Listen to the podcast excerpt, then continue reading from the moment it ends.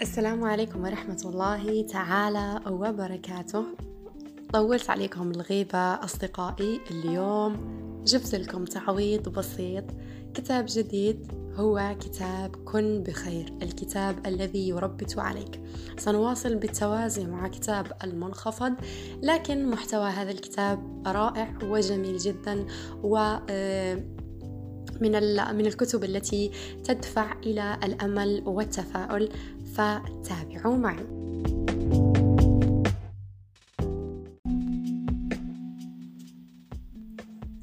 المنخفض هو المكان الذي يوجد فيه النجاح.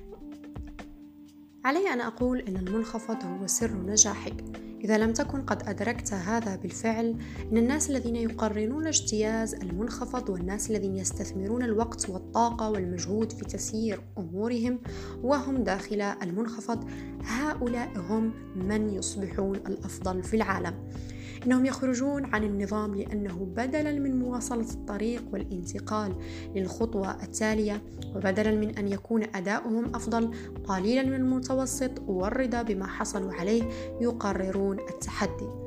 لأي سبب كان هم يرفضون التخلي عن سعيهم ويدخلون المنخفض ويجتازونه حتى المستوى التالي. إن التزلج على الجليد رياضة تعتمد على مفصلي الورك. وهي سريعة ومثيرة وغير مكلفة نسبيا وتجعل مظهرك لطيفا ولكن لماذا إذا إذا لا يوجد الكثيرون مما ممن يمارسون هذه الرياضة؟ لأن تعلم المهارات الأساسية يمثل منخفضا مؤلما. إن إتقان مهارات هذه الرياضة لا يتطلب سوى أيام معدودة ولكن خلال تلك الأيام المعدودة ستشعر بآلام كبيرة. ولذلك ستجد أن الاستسلام أسهل من مواصلة الطريق. إن القرار الشجاع هو تحمل كل الصعاب حتى تصل إلى الجانب الآخر. وتحصل على كل المزايا التي تتبع من الندرة.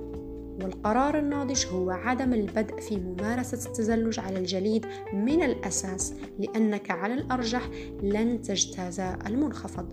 والقرار الأحمق هو البدء في ممارسة الرياضة وبذل قصارى جهدك فيها وتضييع قدر كبير من الوقت والمال ثم تركها في المنتصف.